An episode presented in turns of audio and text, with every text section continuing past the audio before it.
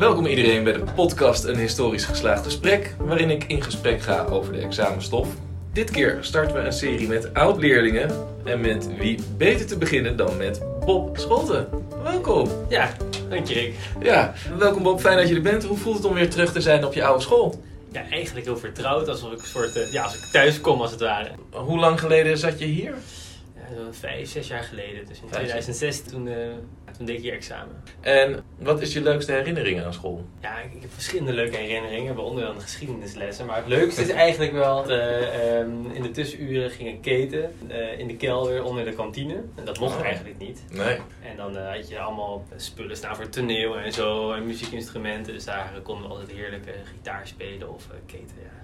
En wat vond je van het vak geschiedenis? Eh, Dat vond ik een van de leukere vakken. Ik vond het wel moeilijk, als in de stof nam ik heel makkelijk tot me op. Maar eh, beantwoorden van de vragen, dat, eh, daar ging het altijd de mist in. Dan wilde ik te veel uitleggen en dan, ja, dan gaf ik eigenlijk helemaal geen antwoord op de vraag. Ja, ja. Nou, ik denk dat dat voor veel leerlingen wel herkenbaar is. Dat ze eigenlijk het verhaal wel snappen. Alleen ja, die vragen en dan hoe je dan antwoord moet geven op zo'n vraag, dat is altijd wel ingewikkeld. Ja. Ja. Wat ben je na school gaan doen?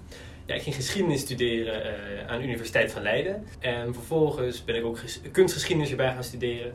Daar moet ik nog vier maanden voor, daar ben ik nog niet mee klaar. En, eh, en ik ging eigenlijk kunstgeschiedenis studeren met het idee dat ik dan iets in de handen wilde gaan doen. En daar heb je zo waar een master voor aan de VU, eh kunst, markt en connoisseurschap. En daar ben ik nu mee bezig. Een soort van tussen kunst en kitsch. Het is zo dat je een schilderij voor je ziet en dat je dan kunt bepalen wat de waarde van ervan is en hoe je dat op de markt brengt en dat? Of de basics daarvan leer je, zeg maar, maar echt heel minimaal. Je leert vooral eh, heel goed te kijken. Dus wat is nou een goed schilderij? Echter waarde aangeven, dat leer je niet. Dat, daar krijg je wel een gevoel voor. Want eh, als je ziet wat goed is, dan weet je duidelijk dan weet je ook dat daar een hogere prijs aan hangt, bijvoorbeeld. En of het een echte is of niet, dat is, dat is de hamvraag altijd. ja, die banaan aan, aan, aan de muur, Ja, daar, daar wordt dan ook geld voor geboden, toch? Dat is dan... ja maar dat is dan weer een soort conceptueel kunstwerk. Dus Ja. je, je, je koopt het concept, dan, Ja. dan, dan krijg je een contract waarin vast wordt gesteld dat jij dat concept thuis mag ophangen. Dus dan, eh, of de kunstenaar komt dan in jouw huis en die gaat dan een banaantape aan je muur, of je mag het zelf zelfs doen. En, eh, maar omdat je het contract hebt, bezit je het kunstwerk. Dus dat is het, het kunstwerk is eigenlijk een papiertje met het Ja. idee erop. Heb je dat niet, dan, dan heb je als het ware niks. Dus het is, het is heel, heel vreemd, die kunstwereld. Ja. Maar en hou jij je dan met en die, die moderne kunst en de, de oudere kunst bezig? Of ben jij gespecialiseerd in een bepaald soort kunst? Ehm, ik vind eigenlijk alles wel leuk, dus vanaf de 17e eeuw tot nu. Ik eh, ga vooral veilingen af om leuke objecten te vinden en dan eh, probeer ik een kunstenaar aan te plakken. Ja, nou en wat dat betreft, daar heb jij natuurlijk ook wel een, een mooi verhaal over te Ja. vertellen. Ja, een, tijd geleden eh, vond ik dus een, werk van André Lotte. Het is een Franse cubist die in Nederland eigenlijk helemaal niet bekend is. Ik zag het op Marktplaats voorbij komen en ik dacht, ja, oké, het ziet er wel mooi uit, maar echt 80% van zijn werken zijn vervalst. Dus deze zal ook wel vervalst zijn. Nou, die mensen woonden om de hoek, dus ik dacht, ik spring op de fiets, ik ga even langs om te kijken. Ja, en daar zag het er wel goed uit. Er zaten allemaal gekke puntjes op of zo. Het, het was wel een beetje vies, maar eh, ik dacht, ik waag de gok. En eh, de specialist van André Loot zit in Parijs. Maar nog heel eventjes, Ja. eh, je komt daar dan, je belt dan aan. Ja. Hallo, eh, ik ben geïnteresseerd. Ik heb een bod of je hebt dan de prijs al afgesproken. Ja, ja, De- ja. Dus je komt dat schilderij ophalen. Ja. Weten die mensen dan dat het dus best wel eens een heel goed schilder, een waardevol schilderij kan zijn? Of hebben zij het idee dat ze gewoon een kopie van iets verkopen? Nou, ze hadden op Marktplaats staan, dit schilderij is van Ene Loten. Wisten wel dat het die schilder zou kunnen zijn. En toen ik ook langs ging, zei ik, hoi, ik ben Bob. Ik ben de student kunstgeschiedenis en geschiedenis. Ik vind het heel leuk om kunst te verzamelen. En ik zag dit werkje en ik dacht, nou ja, dat wil ik ook kopen. We hadden al een prijs afgesproken inderdaad. Ja. Eh, en ze zeiden ook van, ja, we weten niet of het een echt is of niet. Dat wist ik natuurlijk ook niet. Nee. Eh, maar het zou best wel kunnen dat je een goede koop hebt. Maar eh, ja, we gunnen het je. En wij, moeten, wij gaan opruimen en zo. Dus, maar ja, het merendeel is vervalst. Dus vervolgens ging ik naar Parijs. Daar heb je één mevrouw die, eh, die de specialist is op dit gebied. Dus die is de enige die mag zeggen of het echt is of niet. Met een koffertje in de Thalys. En eh, dezelfde dag had ik nog met haar afgesproken in het Student Hotel. Dat is een hele chique dame. En heel grappig om dan in zo'n eh, ja, zo'n jongere tent af te spreken eigenlijk. Ja. En, nou ja, en toen liet ik het zien en toen zei ze dat het een echt werk was. En dat was wel heel gaaf natuurlijk. Ja, en dan? Dan Nou ja, dan ga je terug naar huis en dan ben je heel blij. Met dat koffertje. Met dat koffertje.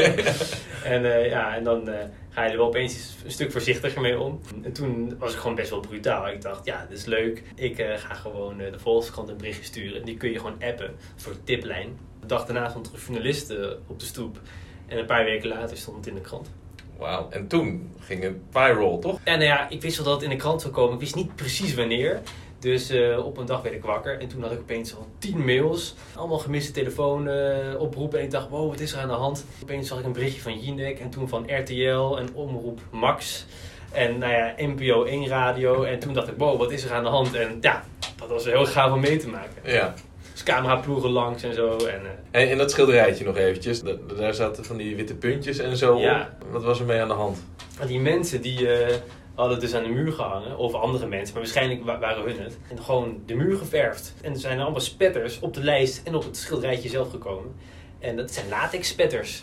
dus ik heb het vervolgens naar de restaurator gebracht. Die heeft het weer opgeknapt. En die zei, ja, overal zitten latex spetters.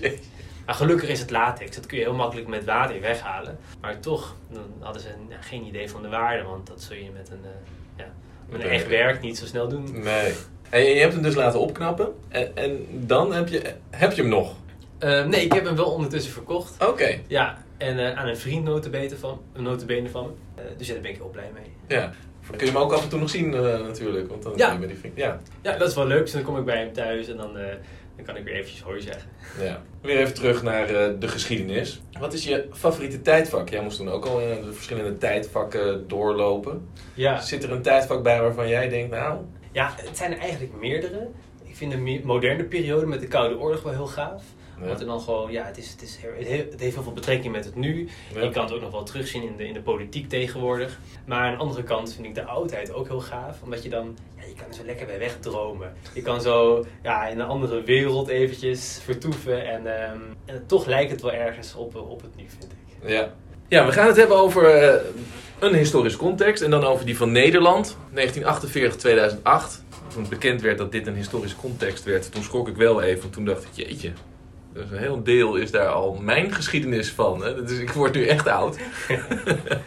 en we hebben het dan over de, het eerste onderdeel. Waardoor veranderden de maatschappelijke verhoudingen in Nederland van 1948 tot 1978. Dan, wat voor beeld heb je dan voor Nederland na die Tweede Wereldoorlog?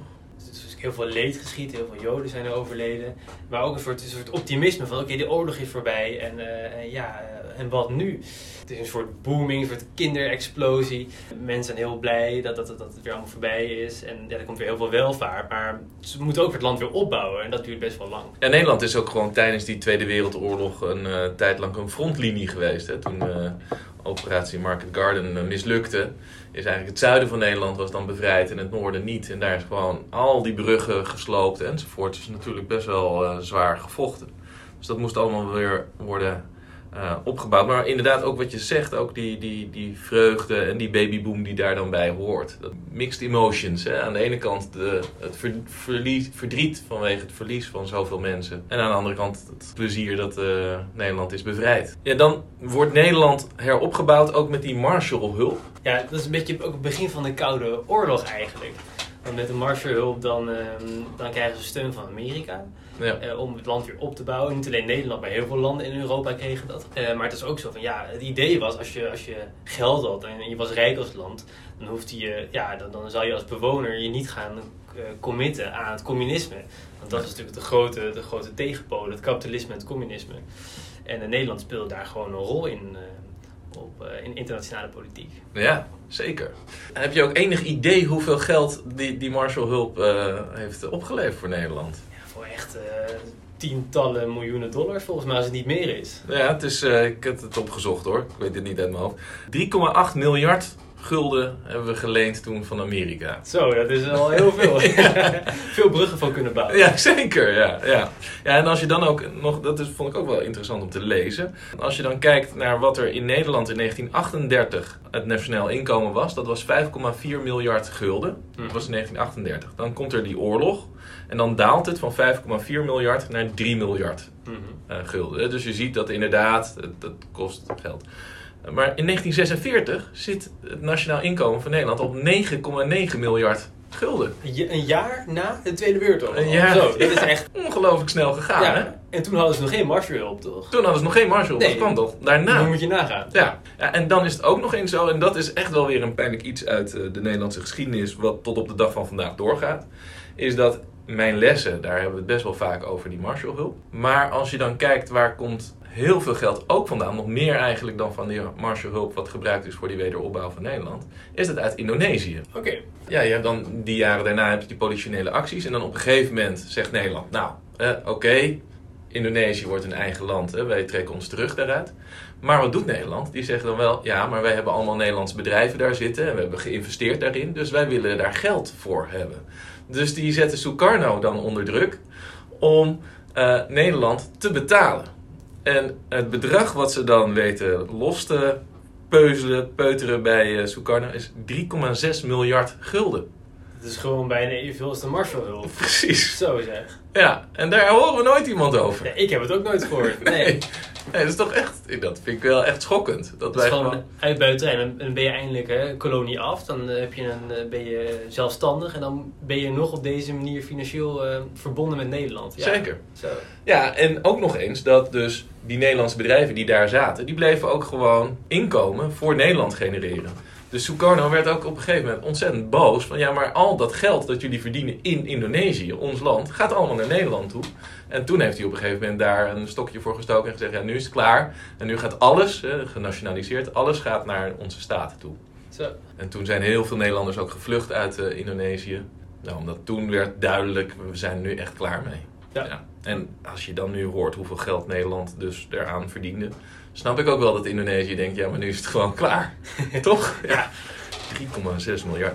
Ja, moet ik wel bij zeggen dat Sukarno dus in 1956 weigerde nog 600 miljoen, stond nog open, dat nog te betalen. Nou, dat snap ik wel hoor. Ja, toch? eh, Ja. Dan ontstaat na die Tweede Wereldoorlog ook opnieuw die verzuiling. Is dat iets waar je maar een beetje zicht op hebt? Wat op hebt waar ja, die ik verzuiling aan verzuiling altijd een van de meest vage onderwerpen tijdens geschiedenis. Omdat eh, het, is, het is overal aanwezig in de maatschappij, maar je ziet het niet heel duidelijk. Je ziet het wel als in mensen kijken een bepaalde soort tv-zender, mensen gaan naar een bepaalde kerk, Ja. mensen zitten op een bepaalde school. Dus het is wel overal aanwezig, maar het is niet zo heel, heel duidelijk, zeg maar. Nee. Dat is dan, op dat moment is het heel sterk aanwezig, maar dat wordt steeds minder. Door onder andere de televisie, dan komen er meer netten en dan, hè, eh, dan zie je ook als vrome eh, Rooms-Katholieke burger opeens een protestantse zender of zo. Ja, Ja. dat is natuurlijk heel vreemd. Precies. Oh, dat is ook best wel leuk. Ja, ja misschien hè, eco's, eh, moeten we daar niet gaan kijken. Ja, precies. Ja. Je had in die Tweede Wereldoorlog was er ook echt het idee van die verzuiling, daar willen we vanaf. Want voor de Tweede Wereldoorlog was er ook die verzuiling. Dan komt tijdens die Tweede Wereldoorlog is het een gemeenschappelijke vijand. Hè? Dus dan hebben ze echt het gevoel, ja, nu staan we gewoon samen tegen de Duitsers. En ook koningin Wilhelmina, die had ook heel erg het gevoel van, nou, na die Tweede Wereldoorlog, nou, dan zal er geen verzuiling meer zijn. Dan moet dat gewoon ophouden. We moeten één sterk volk worden onder leiding van één koningin. Toevallig Dat, dat is toevallig. haar. Ja, Ja, precies. dan, ja, dat- dus, we moeten, dus de plannen van haar waren afschaffing van de zuilen, grotere macht voor de kroon en een eendrachtiger Nederland. Nou, je hoort het haar wel eh, zeggen. Ja, Maar ja, dat viel heel erg tegen. Want eh, inderdaad, eh, zoals je aangaf, die verzuiling na die Tweede Wereldoorlog, die komt er dan weer gewoon.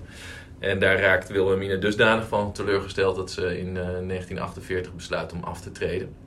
En Wilhelmina was natuurlijk ook gevlucht naar Engeland. Ja, En ze wil natuurlijk wel meer macht, logisch dat ze dat wil. Dus het was ook een beetje laf, vonden ze toch? Van ja, Ja. onze koningin die, die, die vlucht en, en wij zitten met Nederland, wij moeten strijden. Wij hebben de bezetting meegemaakt, wij hebben geleden. En dan komt Wilhelmina terug en dan gaat ze dat verkondigen. Ja, ja dat klopt zeker. Zeker in de begindagen van die, die eh, Tweede Wereldoorlog, wanneer dan nou, mensen te horen krijgen van "Hé, huh, onze koninklijke familie is er gewoon vandoor, worden ze echt wel daarop aangekeken. Later, wanneer koningin Wilhelmina echt die leidende rol in het verzet gaat spelen, Radio Oranje, krijgt ze wel weer meer van dat eh, gevoel terug dat mensen denken, nou ja, zij is wel echt een sterke leidster. Eh, en dat wordt dan ook wel gezegd van het kabinet, eh, de regering die dan in, in Engeland zit. De enige man van die regering wordt dan van gezegd, dat was Wilhelmina. Progressief. ja, heel progressief. Wat dat betreft, maar verder dan weer helemaal niet. Ja, en dan komt er die babyboom. En daar hadden we het al over, dat er heel veel kinderen worden geboren en dan zo opgroeien in de jaren 50, 60 en dan inderdaad televisie gaan kijken en daar eh, die verzuiling dan weer heel erg afneemt. en die groeien ook op in die Koude Oorlog, waar jij het ook al over had. Waar we wel 16 podcasts denk ik ook eh, over kunnen vullen. Ja. Is er één moment in de Koude Oorlog die jou het meeste, wat jou het meeste aanspreekt? ja, ik denk de Cuba-crisis. Oh, Dat is een van de momenten waar het wel heel erg eh, ja, heet wordt, die Koude Oorlog. Op Cuba worden er bommen of raketten geïnstalleerd van Rusland. Heel dicht bij Washington en New York. En dat is een groot gevaar. En je kan het ook een beetje vergelijken met, met Duitsland. Want Berlijn, dat was zeg maar eh, voor een deel ook Westers en voor een deel Russisch. Maar Berlijn lag in het Russisch gedeelte van Duitsland. En op- ja, op dit moment, zeg maar, dat is voor mij 16, 1962, Mhm. ehm, heb je ook een, een stukje Russische invloed ja, in Amerika. En eh, dat was natuurlijk tactisch een hele goede zet van, eh, van Rusland, maar eh, dat tolereerde Amerika niet. En dat het werd het zo heet dat bijna bommen werden, ja, werden overgegooid. Ware. Ja. Dus ja, dat, en dat, het was ook binnen twee weken weer opgelost van die crisis, want zo urgent was het. Ja. De hele wereld voelde van dit, dit gaat mis anders. Ja, mijn vader beschrijft dan ook nog dat hij als jonge jongen echt aan de radio gekluisterd zat om te luisteren hoe het verliep. Hè. Men was echt bang, want dit gaat gewoon mis. Straks komen we gewoon in die eh, derde wereldoorlog. Ja. Nou, gelukkig eh, is dat eh, meegevallen. En de jaren 50 en 60, dat staat dan bekend over de, de Rooms-Rode coalitie. Onder leiding van, toevallig, Ehm, dat ben ik vergeten. Drees. Oh, Drees, ja, ja, vadertje Drees. Vadertje Drees, ja. Ja, ja. En Rooms-Rood, wat, wat, zegt dat jou wat? Is dat... Een, een, een coalitie die heel eh, links is, toch? Ja, daar zit dat rode. Ja, dat is het rode. En ja, dan- maar, maar, maar we ook ka- katholiek. Ja, Ja. en dat was het hele bijzondere. Dat eigenlijk twee groepen die normaal gesproken daarvoor een hele grote afkeer van elkaar hadden. En dat Roomse katholieke met het socialistische dat anti-religieus was. Ja, die moesten niets van elkaar hebben. Maar na de Tweede Wereldoorlog zegt men, ja, die twee moeten nu samenwerken om echt een breed front te kunnen vormen. Een brede regering, zodat ze veel kunnen, kunnen bereiken. En dan zie je dus een aantal regeringen achter elkaar waarin altijd de katholieken en de socialisten erin eh, zitten. Om nou, beleid te maken waarin Nederland heropgebouwd kan worden en verder kan. Onder leiding, een heel aantal, van eh, Willem Drees. Met onder andere geleide loonpolitiek, eh, waarbij die loonsverhogingen door de overheid niet werden toegestaan, tenzij je kon bewijzen dat je eh, meer productie had. Iedereen wilde dus bewijzen dat ze meer productie hadden. Dus gingen ze ook meer produceren. Ja. En ja, en dan, dan krijg je vanzelf een soort economische boost. Ja. Want iedereen wil meer geld. En dat geld, ja, eh, dat, dat genereerde ze zelf. Dus dat is een geweldig bedacht van, eh, van, eh, van Drees. Zeker, ja. ja. Er staat wel ook één probleem aan vast. Stel je voor dat ik jou heel graag als leraar wil hebben, maar ik mag jou maar, nou, zeg, 1000 euro in de maand laten verdienen. Hoe kan ik dan toch zorgen dat ik jou hier als leraar krijg op school? Dat is een goede vraag. Nou, misschien kan ik stiekem wat geld toeschuiven. Ah, dan gaat het dus zwart als het ware. Ja. Dus er kwam een hele grote zwarte markt. Hm. Dat werd echt steeds een groter probleem. Vooral men heeft dat eh, opgelost door het uiteindelijk maar weer los te laten. Want het, eh, het leverde een te grote zwarte markt op. Ja, en ja, de economie was wel veel groter geworden. En eh, dus, dus ja, op dat moment kon dat waarschijnlijk ook wel. Ja, die groeide ook nog, die economie, doordat we de gasbel in Groningen ontdekten. Nou, daar hebben we het nog steeds over. Ja, ja, dat, dat zullen ze niet zo heel leuk hebben gevonden dat we dat toen ontdekt hebben in Groningen dan. Nu hoor je weer stemmen dat, eh, dat we het gewoon weer moeten, eh, weer moeten delven. Want ja, het brengt al zoveel miljard per jaar op. Maar ja, het heeft ons toen heel erg geholpen, met de economie. Ja. Ook zodat we zelfstandiger werden in onze gasproductie als het ware, in onze gaswinning. En dat we ook konden verkopen natuurlijk voor goed geld. Maar eh, ja, de mensen nu in Groningen, die zijn er niet zo blij mee. Het is niet voor niks dat daar allemaal scheuren in de huizen zitten en iedereen uit Groningen wil. Precies, ja. Ja, dat is echt opvallend hoe eh, Groningen eigenlijk gezien wordt lange tijd als een soort wingewest. Hè? Het is eigenlijk een soort kolonie geweest voor de Ja. Randstad. Oh, we konden daar heel makkelijk allemaal gas vandaan halen, heel goedkoop. We alle huizen in Nederland gingen op gas. En we, eh, dat vinden wij nu ook normaal, omdat er op gas gekookt wordt. Er stonden overal gaskachels. Eh, het werd allemaal, nou, het was allemaal gratis vanuit Groningen. Dat is Ja, leuk. dus waarom niet? Ja, De Groningen is de grote, is de grote vriend hier in het verhaal. Ja, Precies. Alleen kwamen ze er zelf een beetje bekijkt vanaf. Eh, 2800 miljard kubieke meter gas eh, is er aangetroffen. kun je je gewoon niet voorstellen hoeveel dat is eigenlijk. Nee. Met dat geld eh, komt er die uitbouw van de verzorgingsstaat. Met onder andere ook in eh, 1957 de invoering van de AOW. Algemene ouderenwet, toch? Ja, Ja, en ja, als je dan helemaal met pensioen gaat, krijg je van de staat zeg maar een, een oplage, een soort, soort eh, uitkering waarmee je kan leven. ja. Waarmee je jezelf in je, in je voorzieningen kan eh, voorzien. ja, dat was voor die mensen echt eh, zo vreemd dat ze dus genoeg geld kregen om voor te leven. Daarvoor was wel al dat je als oudere kreeg op een gegeven moment wel een bepaald bedrag van de overheid. Heel beperkt. Je viel dan onder invalide.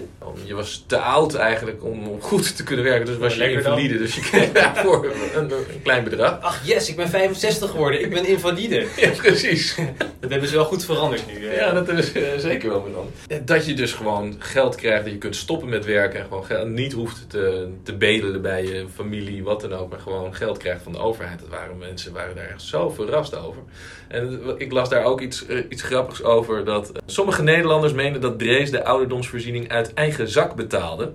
Een oude dame vroeg toen Drees een gevaarlijke vlie- vliegreis naar Indonesië zou gaan maken, hoe het moest als meneer Drees er niet meer was. Zou mevrouw Drees er dan mee doorgaan? Oh, geweldig toch? Alsof die man miljoenen Nederlanders kan voorzien Precies. in hun eh, levensonderhoud. Ja. Nou, hier wat voor jou en hier wat voor jou. ja, ach kom maar hier mevrouw.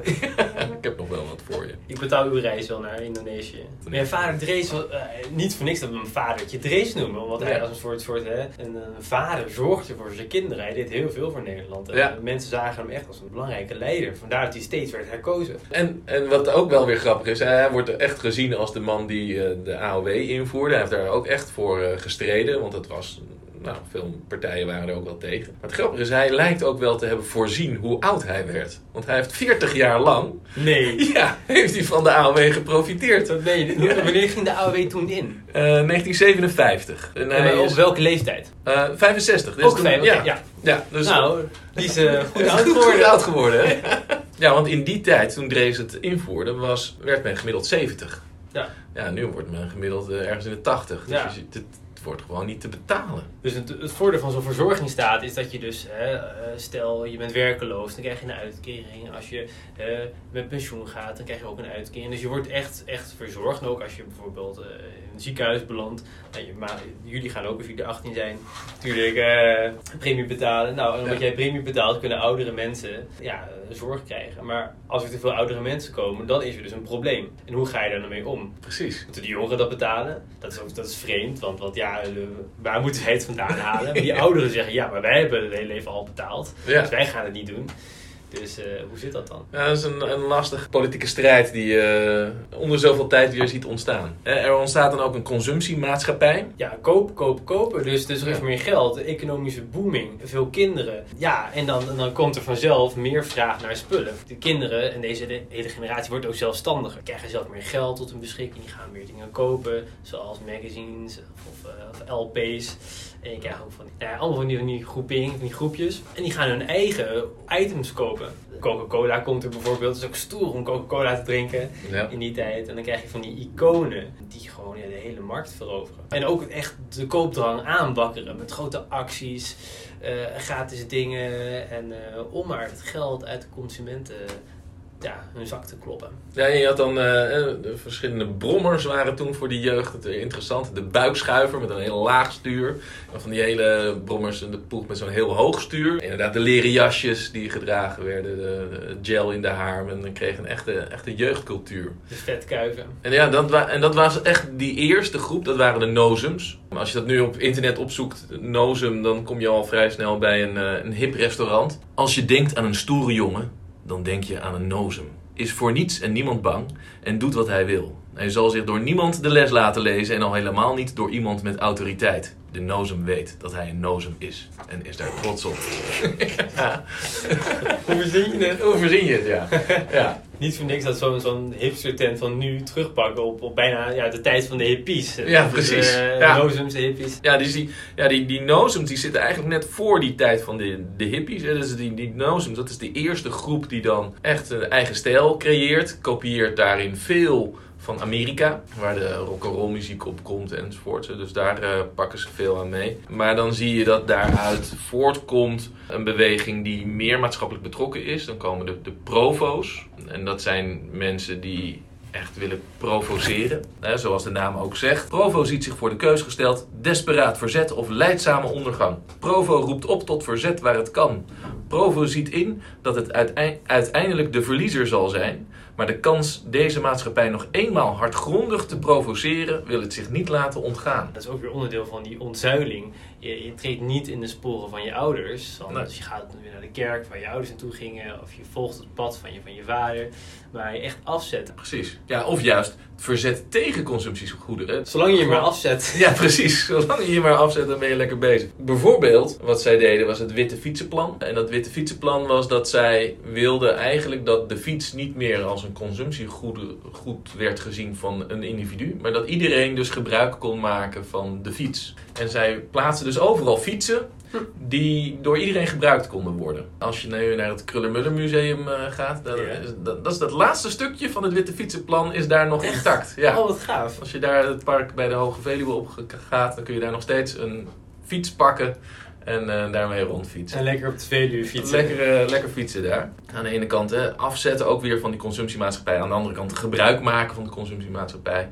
En dat afzetten ook tegen het Koninklijk Huis. En daar kennen we ook heel duidelijk van tijdens de, het huwelijk van prinses Beatrix met Klaus. En dan worden er op een gegeven moment ook rookbommen uh, gegooid naar de koets. Uh, van tevoren heeft de Provo-beweging dan allerlei geruchten verspreid. Er zouden hallucinogene stoffen in het drinkwater gedaan worden, hadden ze gezegd.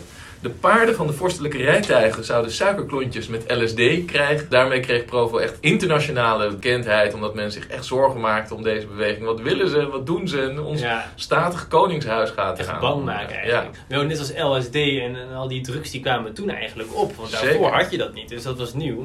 Uh, ja, zo profileerden ze zichzelf ook weer. Ja, want daaruit kwam dan eigenlijk die, die hippiebeweging dan weer voort. Die veel minder dat politieke, hè, dat, dat provocerende had, maar gewoon laat me maar lekker met rust, laat me maar lekker genieten van drugs en van vrije seks en van alles en nog wat. Flower power. Gewoon Flower lekker power, relaxed en uh, je eigen leven leiden, geen verplichtingen. Ja, dus je ziet eerst die, die en dan zie je de provo's en dan uiteindelijk ook die hippies die dan op hun manier ook aandacht vragen voor zaken, maar dat chillere manier doen dan de, de provo's die veel meer aan het uh, provoceren zijn met de spandoeken en met uh, van alles en nog wat. Echt actief versus passief eigenlijk. Ja, waar ook vanuit de provo-beweging kritiek op komt, hè, op die hippies die maar gewoon een beetje lopen te liggen op, het, op, de, op de dam. dat uh, vinden we wel niks. Dan wordt ook in de jaren 60, en dan wanneer die jeugdculturen waar we het nu zo over hebben, dan komt er ook een bijpassende politieke partij, wordt dan opgericht.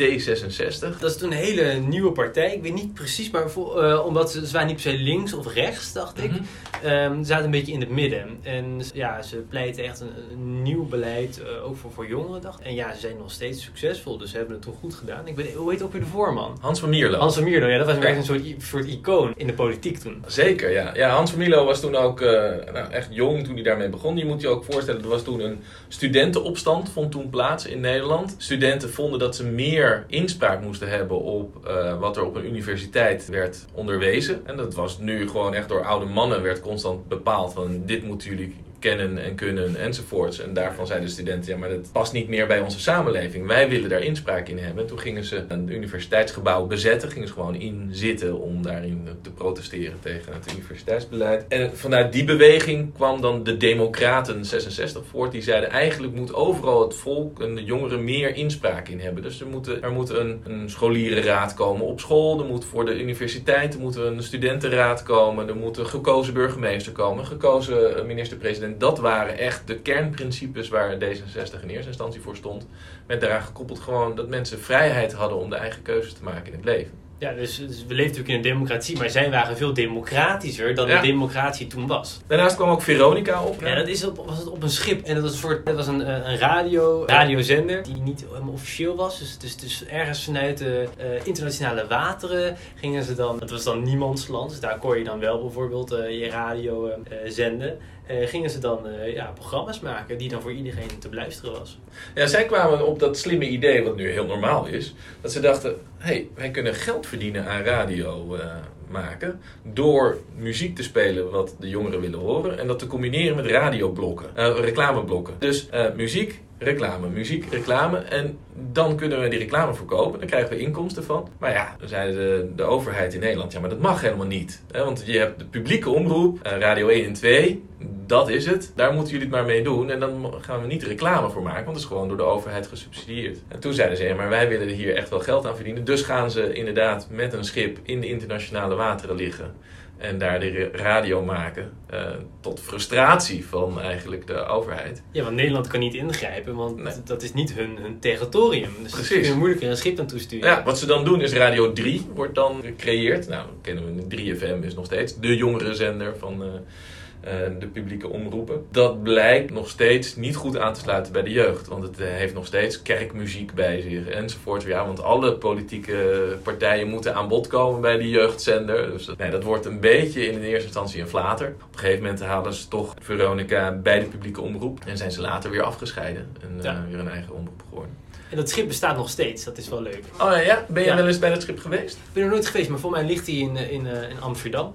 En soms zwaart hij ook nog. En ik dacht dat hij van Jeroen Pauw is momenteel. Oh, echt? eh, ja, Nou, gaan we eens opzoeken. Ik las ook nog eh, waar de naam Veronica vandaan komt. geen idee. Nee, het is, in eerste instantie was het de Vrije Radio-omroep Nederland, VRON. Maar had Annie M. G. Schmid had een verhaaltje of een versje en dat ging over een, een zwart schaapje. En dat was het buitenbeentje van de groep. En die heette Veronica.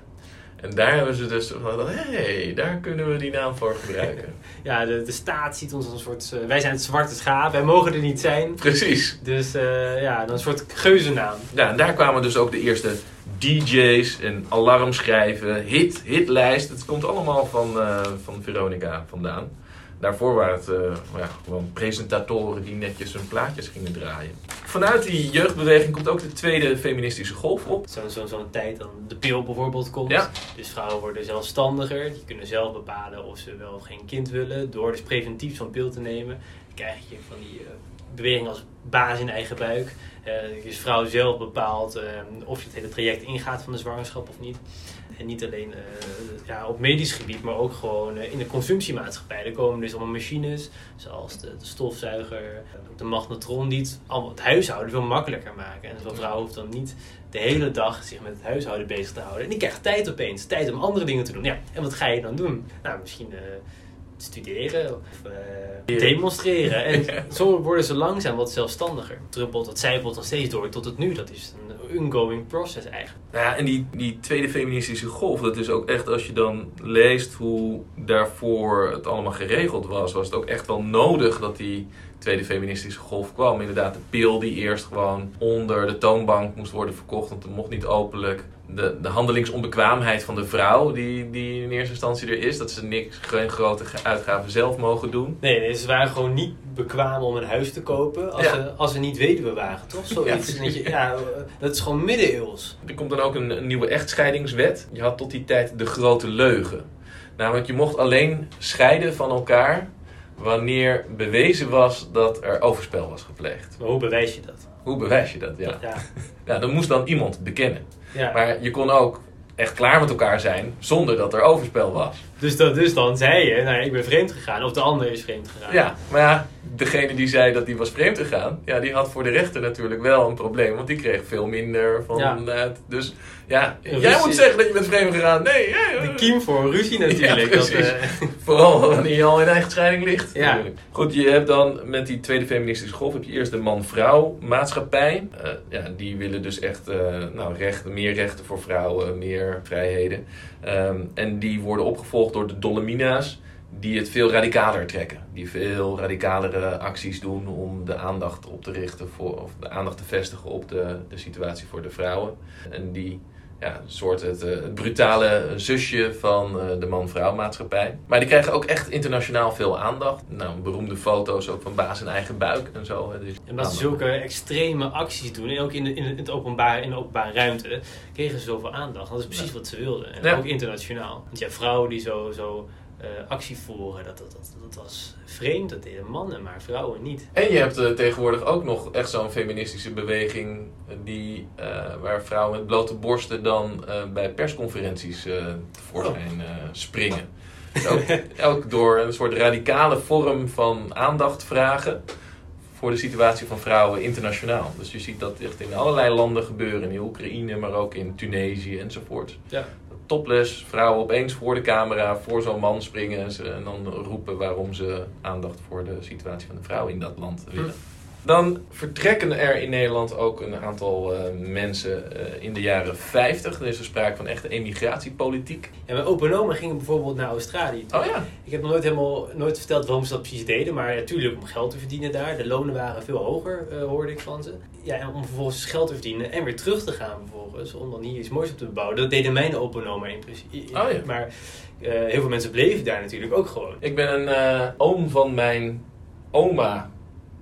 Nee, een oom van mijn moeder ben ik eh, weer tegengekomen. Die leeft nog steeds in Australië. En die is inderdaad ook in de jaren 60 toen vertrokken. Ja, daar was ook heel lang geen contact meer mee. Maar nu tegenwoordig kun je dan weer eh, nou, via internet van allerlei contacten Ja. vinden. En dan opeens eh, plopt die zo weer boven water. En ja, die blijkt nog gewoon te leven. Gewoon familie van mij in Ja, Australië gaaf die toen vertrokken is. Ja. Maar waarom gingen ze dan naar Australië en Nieuw-Zeeland? Dat heb ik nooit begrepen. Waarom niet naar een ander land?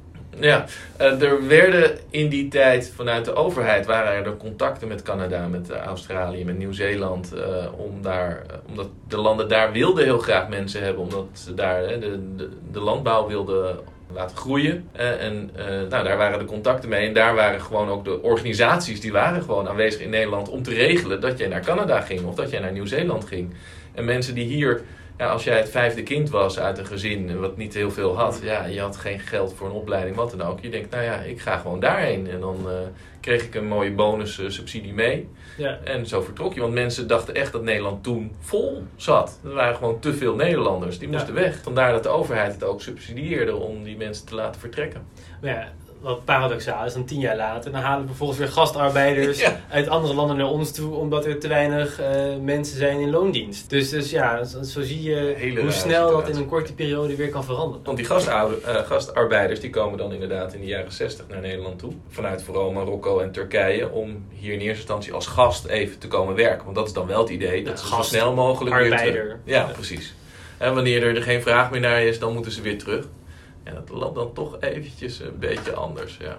Ja, als ze dan hier heel lang werken en, en, en ja, ik denk zelfs als ze kinderen krijgen, soms familie hier naartoe halen, ja, dan is het moeilijk om ze weer terug te sturen. Dan is er in 1973 de oliecrisis. Er was een schaarste in de, in de olieproductie. Er was een politiek conflict in het Midden-Oosten, waardoor ze de olieproductie ja, productie, ja, nagenoeg uitzetten. Waardoor dus de prijs heel erg steeg en er olietekort ontstond. Maar de Yom Kippur-oorlog, waarin op een feestdag van de Joden vallen dan Syrië en Egypte vallen dan eh, Israël binnen. En Nederland en Amerika steunen dan actief Israël. En daar zijn die Arabische landen heel boos om. Want die zeggen, ja, Israël is gewoon... eh, en dat, dat grijpt te veel macht. Dat moet gewoon echt... eh, dat hoort hier niet. En die zijn dan boos. En die, die draaien dan inderdaad voor Nederland en Amerika de geldkraan dicht. En dan is er een enorme schaarste opeens van eh, olie. En dan zie je dat de economische crisis begint dan eigenlijk al te ontstaan. En met alles in, ja, in de maatschappij heb je olie nodig. Dus als jij wil, wil rijden, benzine, benzine is van olie gemaakt. En als Ja. jij grote fabrieken wil laten, wil laten draaien, heb je olie nodig. Dus het werd heel duur, maar de productie liep ook achteruit. Dus Ja. eh, ja, dan, wat ze onder andere dan hadden voor, voor maatregels, dat dan de, de autoloze zondag. Ja, Dat spreekt natuurlijk ook heel erg voor de verbeelding. Dat je dan, hè, dat je, dat je dan mensen aan het sk- skaten waren over de snelwegen. ja. En het werkverkeer mocht dan doorgaan. Kleine vrachtwagens zag je hier en daar rijden. Ja, zo, zo probeerden ze maar ja, iets aan die schaarste te doen. En dat lukte nou ja, eigenlijk uiteindelijk niet goed. Want de, eh, er werd ook door die verzorgingsstaat die zo was uitgebouwd, zoveel uitgegeven door de overheid. En nu de inkomsten terugliepen, creëerde dat een enorm eh, overheidstekort. Waardoor je ziet dat vanaf eh, nou, zo'n beetje 1980 echt een economische crisis begint. Dan krijg je eh, dat Ruud Lubbers de premier wordt. En die heeft dan wel zo, wat dat betreft zwaar. Hij begint dan echt aan een taak om ervoor te zorgen dat de overheidsuitgaven minder worden. Dat is nooit leuk natuurlijk om te zeggen, jullie krijgen allemaal minder. Ja, dan zien we liever als vadertje Drees zeggen, jullie krijgen alleen maar meer. Ja, precies. Ja, dat is een mooi verschil. Dus inderdaad, vadertje Drees die gewoon geld lekker uitgeeft. En Lubbers die zegt, nou ja, ik kom maar allemaal hier terug met het eh, geld. Nou, daarmee zijn we een beetje gekomen aan het einde van eh, dit onderwerp. Het ging alweer snel. Ja. Ja. maar we eindigen hem even met, ik heb een paar vragen voor je. Oh, nou, brand is, eh, wat is de naam van de leningen die Nederland vanuit Amerika ontving om op te bouwen na de Tweede Wereldoorlog? Eh, Marshallhulp. Ja, Ja. Ding, heel goed. Twee. Welke twee grote ideologieën zaten in de kabinetten van Willem Drees? Eh, de de Rooms-Katholieken en de Socialisten. Ja, netjes Bob. 3. Naar welk dier is Veronica genoemd? Een, een zwart schaap. Ja, lekker bezig. 4. Welke groep bedacht het witte fietsenplan? Oh, uh, waren het de provo's? Ja, heel goed. En 5. Bob, wat was de grote leugen? Ehm eh, ja, wat was de grote leugen ook alweer? Ik weet het niet. Dat was bij de echtscheiding. Verdomd, oh ja. Ja, Ja, dat Ja. je moest bedenken dat je maar had overspel gespeeld. wie vreemd ja. was gegaan. Ja, precies. Ja. Goed, dan sluiten we af met de zo interessant kan geschiedenis zijn tip. Bob, heb jij een film, een serie, een boek, iets waarvan in de geschiedenis waarvan jij zegt, nou dat zouden meer mensen moeten lezen, zien, horen? Nou, ik heb er eigenlijk twee. Eh, de serie The Americans. Dat, dat, dat kijk ik zelf heel graag. Dat is dan een, eh, een familie in Amerika eh, die spionnen zijn eh, voor, voor Rusland in de Koude Oorlog. En dan zie je eh, ja, hoe zij zich moeten aanpassen aan het kapitalisme, maar vervolgens wel informatie moeten doorspelen aan het centrum. En het centrum is dan Moskou. En, ehm, en ja, ze vermommen zich, ze moeten mensen omleggen. Eh, en ja, ze moeten, eigenlijk hebben ze tot taak om het kapitalisme Naar de ondergang. ja, naar de ondergang te brengen eigenlijk. En dat is heel interessant hoe ze dan zeg maar in, die, ja, in dat spel terechtkomen. Dat is aan de ene kant. Ja. Waar ik zelf altijd groot fan van ben, is het spel Assassin's Creed. Ah. En eh, eh, je hebt bijvoorbeeld Assassin's Creed Syndicate. Dat speelt zich dan af in de industriële periode in, in Engeland. En ook voor een deel in de Eerste Wereldoorlog. En dan ja, ben je dus een persoon in, in Londen. En dan maak je dat hele proces dus mee. En dan zie je dus dat die kinderen daar in die fabrieken moeten werken. En dat ze dan overlijden omdat ze tussen, tussen eh, ja, onderdelen moeten vervangen in zo'n fabriek bijvoorbeeld. En dan kan jij daar actief een rol in spelen. En dat is heel leuk om dan op die manier als een echte actor in die geschiedenis eh, te kunnen spelen. Of bijvoorbeeld Assassin's Creed Odyssey. Dan speel je dus in de oudheid en dan kom je alle grote namen tegen. En dan ben je gewoon onderdeel van de democratie in Athene. En dan zie je hoe bijvoorbeeld het conflict tussen Sparta en Athene zich kristalliseert. En dan hoe je er ook eh, ja, je eigen rol in kan spelen. Dus eh, ja, The Americans en Assassin's Creed, dat kan ik eh, aan iedereen aanbevelen. Ja, tof. Ja, die laatste die, eh, wordt tegenwoordig ook steeds genoemd als een eh, tip voor geschiedenisleraren om te gebruiken in je les. Ja, Daar het is zo, omdat Assassin's Creed is, eh, heel veel mensen werken eraan samen en ze proberen ook historisch heel accuraat te zijn. Dus, dus het is niet allemaal eh, fictie. Eh, en dat is zo mooi.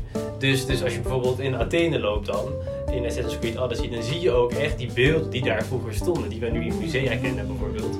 En eh, al die toneelstukken die we daaruit kennen komen terug. Eh, de grote namen, eh, ook conflicten, eh, de pestepidemie bijvoorbeeld. Dat is gewoon heel gaaf. En, dan- en dan krijg je een gevoel voor hoe dat voor die mensen geweest moet zijn. En dan blijft het ook beklijven, dan blijft het hangen in je hoofd. Ja, nou dankjewel voor deze tips, eh, Bob. Eh, dank ook voor je aanwezigheid hier. Ja, Super leuk om, eh, om eh, hier te zijn en om dit eh, gesprek te voeren. Ja, ik vond het ook heel erg leuk om te doen. Nogmaals, mijn dank. En hiermee komen we aan het einde van deze aflevering. En hopelijk volgen er nog meer.